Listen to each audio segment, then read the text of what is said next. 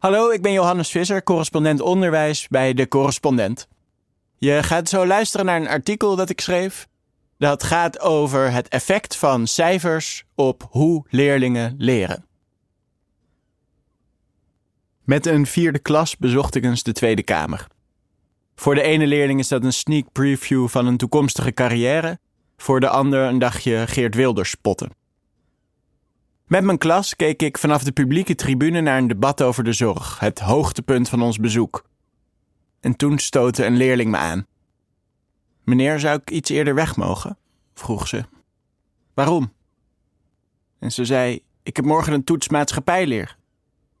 Ja, maar je zit nu in de Tweede Kamer, reageerde ik. Ja, maar ik heb een 5,7 nodig, zei ze. Zelfs op de publieke tribune van de Tweede Kamer, het hart van de maatschappij, leek de multiple choice toets de volgende dag over die maatschappij belangrijker. En misschien wel terecht. Ze had immers een 5,7 nodig. Oké, ga maar iets eerder weg dan. Aan het eind van het schooljaar telde ik de cijfers van die leerling uit 4 VWO. Ik kwam tot 82 in één schooljaar. Nog niet eens zoveel, ik telde de cijfers van een leerling in 3 VWO en dat waren er 146. Al die cijfers kunnen een negatief effect hebben op de nieuwsgierigheid van leerlingen, op hun wil om te leren zonder extern doel, kortom, op hun intrinsieke motivatie. Stel leerlingen een cijfer in het vooruitzicht en, goh, dat cijfer wordt het allerbelangrijkst. Dat is niet erg, zou je kunnen zeggen, als leerlingen door dat cijfer veel meer leren. Maar of dat zo werkt, is nog maar de vraag. Natuurlijk zag ik ook wel dat mijn leerlingen vaak pas aan de slag gingen als het voor een cijfer was en dat ze op weg naar dat cijfer van alles leerden. Van die leerling in de Tweede Kamer was het misschien niet zo gek om iets eerder weg te willen en nog even voor de toets te leren. Die 5,7 haalt ze niet door Fleur Agema nog een uur aan te horen over zorgbudgetten. En van dat lesboek zal ze heus wel wat opsteken. Ik heb het ook andersom gezien. Een klas waarvan een deel de laatste toetsweek niet eens meer opkwam dagen, omdat die leerlingen hadden berekend: als ik overal een 1 voor haal, ga ik alsnog over. Leerlingen die het tot 5 VWO schopten omdat jaar na jaar iedere 4 voor een schrijftoets gecompenseerd werd door een 7 voor een presentatie. En natuurlijk, leerlingen die precies genoeg leerden om bij elke toets net aan op een voldoende uit te komen. Die alleen de samenvatting van de samenvatting van de samenvatting leerden. En gelijk hebben ze. Als een diploma het doel is, hebben ze de meest efficiënte weg er naartoe gevonden. Maar het heeft een keerzijde. Want cijfers maken dat niet leren, maar presteren en het voorkomen van falen het allerbelangrijkst wordt. Dat leidt niet in de eerste plaats tot lerende, maar tot calculerende leerlingen. En het is niet de enige manier waarop cijfers en prestatiedruk leren in de weg kunnen zitten. Ze kunnen ook leiden tot oppervlakkig leren en leerlingen die weinig creatief durven zijn. Ik heb een tijdje gepubquist. Dan zit je met vrienden in een team en krijg je in een kroeg allemaal kennisvragen die je beter moet zien te beantwoorden dan de andere teams. Uit welk land komt ijsmerk Hagen-Das? De vlag van welk land krijg je als je met de klok mee de vlag van India 90 graden draait, die van Ivoorkust 180 graden en die van Niger 270 graden? Na een paar quizzen bleek ik wist weinig van films en muziek en juist daar werden de meeste vragen over gesteld. Dus ik films kijken en muziek luisteren. Of nee, ik zette de radio aan en keek films met in mijn achterhoofd de vraag: wat zouden ze hierover kunnen vragen? Dan luisterde ik uren naar Sky Radio zonder ervan te genieten, maar probeerde ik bij ieder nummer artiest en titel te onthouden. Keek ik films en probeerde ik de namen van alle acteurs te onthouden en moest ik mijn vriendin halverwege de film vragen waar hij eigenlijk over ging. Op school is het met toetsen net zo. Onderzoekers lieten basisschoolkinderen zijn tekst lezen en vertelden een deel van de groep: als je hem uit hebt, krijg je er een toets over voor een cijfer. Kinderen die een cijfer verwachten, beantwoordden de eenvoudige kennisvragen waar ze het antwoord voor uit hun hoofd hadden kunnen leren beter dan de kinderen die geen cijfer verwachten. Maar die kennis waren ze een week later weer vergeten.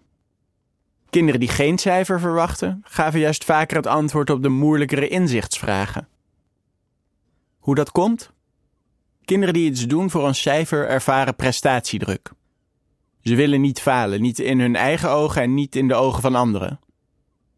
Die angst neemt een deel van het beperkte werkgeheugen in beslag, waardoor er minder ruimte overblijft om bijvoorbeeld een tekst goed te begrijpen. Ook in een ander onderzoek, waarin proefpersonen teksten over neuropsychologie moesten lezen, bleek dat de groep die geen toets verwachtte de moeilijkere vragen, die niet over kennis maar over begrip gingen, een stuk beter beantwoordde. En onderzoek naar het effect van cijfers op creativiteit laat zien dat mensen die een cijfer verwachten minder oplossingen voor een probleem weten te bedenken en minder fantasierijke verhalen verzinnen. Ze zijn kortom minder creatief. Het Landelijk Actiecomité Scholieren, het LAX, dat in 2020 protesteerde tegen de toetscultuur op scholen, schrijft niet zonder reden dat leerlingen hun tijd op school ervaren als zweten, weten, vergeten. Ik citeer: Ze zetten zich even hard in om te leren, zodat ze precies de juiste stof kennen en een hoog cijfer voor de toets kunnen halen, om vervolgens alles weer net zo hard te vergeten. Dus cijfers dan maar overboord? Aan het begin van een nieuw schooljaar kwam er eens een leerling naar me toe. Meneer, zei hij, ik heb deze zomer drie boeken gelezen. Dat verbaasde me, want ik was het hele eerdere schooljaar met weinig succes bezig geweest hem aan het lezen te krijgen. En nu had hij uit zichzelf zomaar drie boeken gelezen. Hij had blijkbaar niet de verwachting van een cijfer nodig gehad om te gaan lezen, maar vakantie. En toch, andere leerlingen hadden ook in de zomer niets gelezen. En ik kan me voorstellen dat deze ene leerling ouders had die op vakantie ook lazen. Vrijheid, bijvoorbeeld door even geen cijfer, maar een strand in het vooruitzicht te hebben, kan tot mooie dingen leiden. Maar dat hoeft niet. Verlos leerlingen van cijfers en ze slaan niet pardoes hun economieboek open. Ze hun iPhone niet weg om eens even lekker de passé composé te bestuderen. Voor die cijfers moet wel iets in de plaats komen. Of eigenlijk, voor die cijfers moeten drie dingen in de plaats komen. Om dat te laten zien, nog één experiment. In dat experiment kregen kinderen uit groep 8 boekjes met twee soorten oefeningen. In de ene oefening moesten ze zoveel mogelijk woorden maken van de letters van een langer woord. De andere oefeningen waren creatieve opdrachten. Bedenk zoveel mogelijk toepassing voor een leeg blikje bijvoorbeeld en schrijf een zo spannend mogelijk verhaal. Twee dagen later kregen de kinderen de boekjes terug. Een deel van de leerlingen kreeg er een cijfer voor, een ander deel niet en een derde groep kreeg geen cijfer, maar feedback. Vervolgens zeiden de onderzoekers: Jullie krijgen nieuwe boekjes met oefeningen en je wordt weer op dezelfde manier beoordeeld. En daarna nog eens: nieuwe boekjes, zelfde manier van beoordelen. Wat bleek? De groep die een cijfer verwachtte scoorde, zoals verwacht, hoog op de eenvoudige oefeningen, maar minder goed op de creatieve. Maar de groep die keer op keer geen cijfer en geen feedback kreeg, ging steeds slechter presteren. De groep die feedback had gekregen, scoorde op beide oefeningen juist goed en steeds beter. Dat kwam, verklaren de onderzoekers, door een verschil in motivatie. Kinderen die geen cijfer of feedback hadden gekregen, waren ook niet gemotiveerd om nieuwe oefeningen te maken. De helft van hen gaf aan liever een cijfer te krijgen. De groep die een cijfer had gekregen was sterker gemotiveerd door de angst te falen. 80% van hen gaf aan liever feedback te krijgen dan een cijfer. Van de groep die feedback kreeg was het overgrote merendeel van de leerlingen tevreden met de manier van evalueren en de leerlingen bleven intrinsiek gemotiveerd. Ze waren nieuwsgierig naar nieuwe oefeningen. Die intrinsieke motivatie, wanneer mensen nieuwsgierig zijn en plezier hebben in het leren zelf, groeit als aan drie voorwaarden wordt voldaan. Mensen moeten zich autonoom, competent en verbonden voelen. Kinderen die een cijfer verwachten voelen zich minder vrij en kunnen bang zijn afgerekend te worden door een cijfer. Kinderen zonder cijfers zijn weliswaar vrij van controle, maar als ze ook geen feedback krijgen, is al dat leren weinig verbonden en weten ze ook niet hoe ze ergens beter in kunnen worden. Feedback is geen afrekening. Geeft kinderen het gevoel dat ze ergens beter in kunnen worden en dat het iemand iets uitmaakt wat ze leren. Nog beter is het als die feedback gegeven wordt door een expert die direct kan bijsturen. Is het voor een cijfer? Vragen leerlingen bij alles wat de leraar doet. Is het voor een cijfer, dan leidt dat tot calculerende leerlingen, die oppervlakkig leren en weinig creatief zijn. Is het niet voor een cijfer? Hebben leerlingen even niet het gevoel dat ze moeten presteren? Dan blijven ze misschien wel zitten. op de publieke tribune van de Tweede Kamer.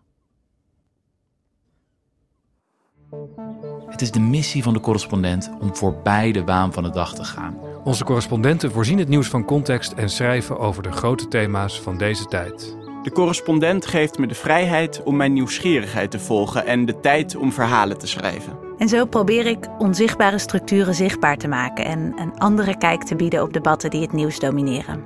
Dan gaat het minder over het spelletje en veel meer over wat er op het spel staat. Vanaf dag 1 zijn onze artikelen, boeken en podcasts gefinancierd door onze leden. Volg ons op onze journalistieke zoektocht. Overweeg eens lid te worden van de correspondent. En maak daarmee samen met ruim 70.000 anderen onze onafhankelijke journalistiek mogelijk. Dus word lid van de correspondent. Ja. Word lid. vårt litt.